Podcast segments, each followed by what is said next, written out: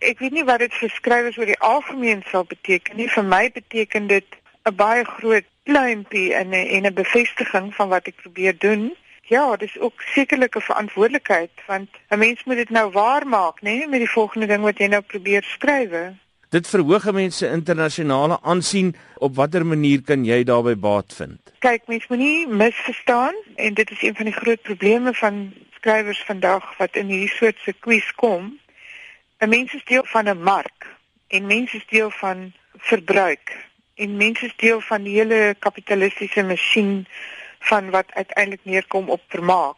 So 'n mens moet ook kan reflekteer as 'n skrywer op hierdie soort dinge en weet hoe jou houding daarteenoor is. Die ou gesegde lui dat elkeen van ons het 'n storie in ons. En baie mense droom daarvan om te skryf. Die tyd waarin ons leef, maak dit vir mense moontlik om dit te doen. Wat maak die verskil tussen 'n skrywer wat vir internasionale pryse benoem word en skrywers wat dink hulle kan skryf? Ek wil dit eintlik beantwoord uit 'n soort antropologiese hoek. Die aandrang om stories te vertel is 'n algemene menslike aandrang. Almal wil dit doen. En dit het te doen met wat ons noem languaging. Ons is diere wat taalhandelinge uitvoer. Op daardie manier gesien is daar eintlik geen verskil tussen skrywers en ander verhaalvertellers van enige orde nie. Jy het 'n groot klomp werk gelewer in jou tyd in die letterkunde eh, wêreld.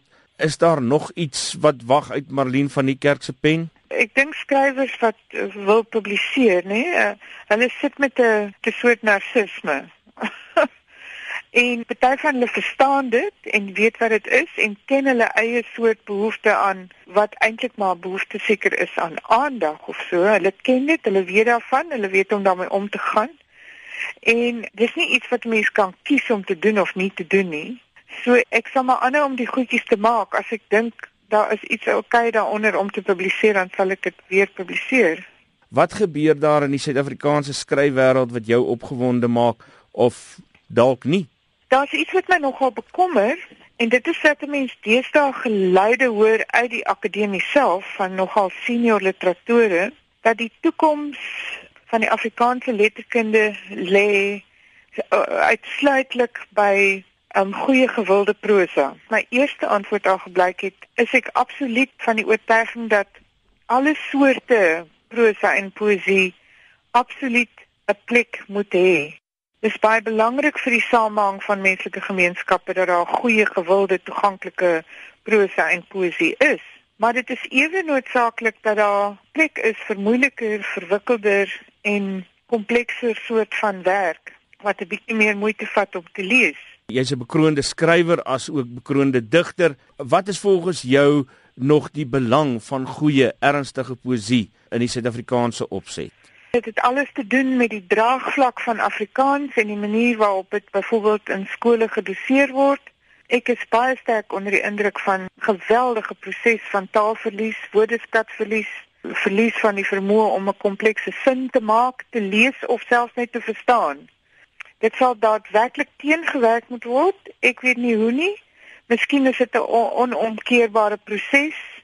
Miskien is dit maar 'n teken van die tyd, maar ek dink Afrikaans sal net oorleef een as hy sy ehm um, sy onderwys op skool verbeter en twee as hy homself begin verstaan in 'n komparatiewe soort konteks met soortgelyke klein tale oor die hele res van die wêreld. Ek ek wil net daarby voeg dat ek dink die vitaalste aspek van Afrikaans is invloeks en dit word in die Kaap op die Kaapse vlakte gepraat en as daar hoop is vir Afrikaans dan sal dit in daardie vorm waarskynlik die grootste kans hê op oorlewing en op literêre prestasies.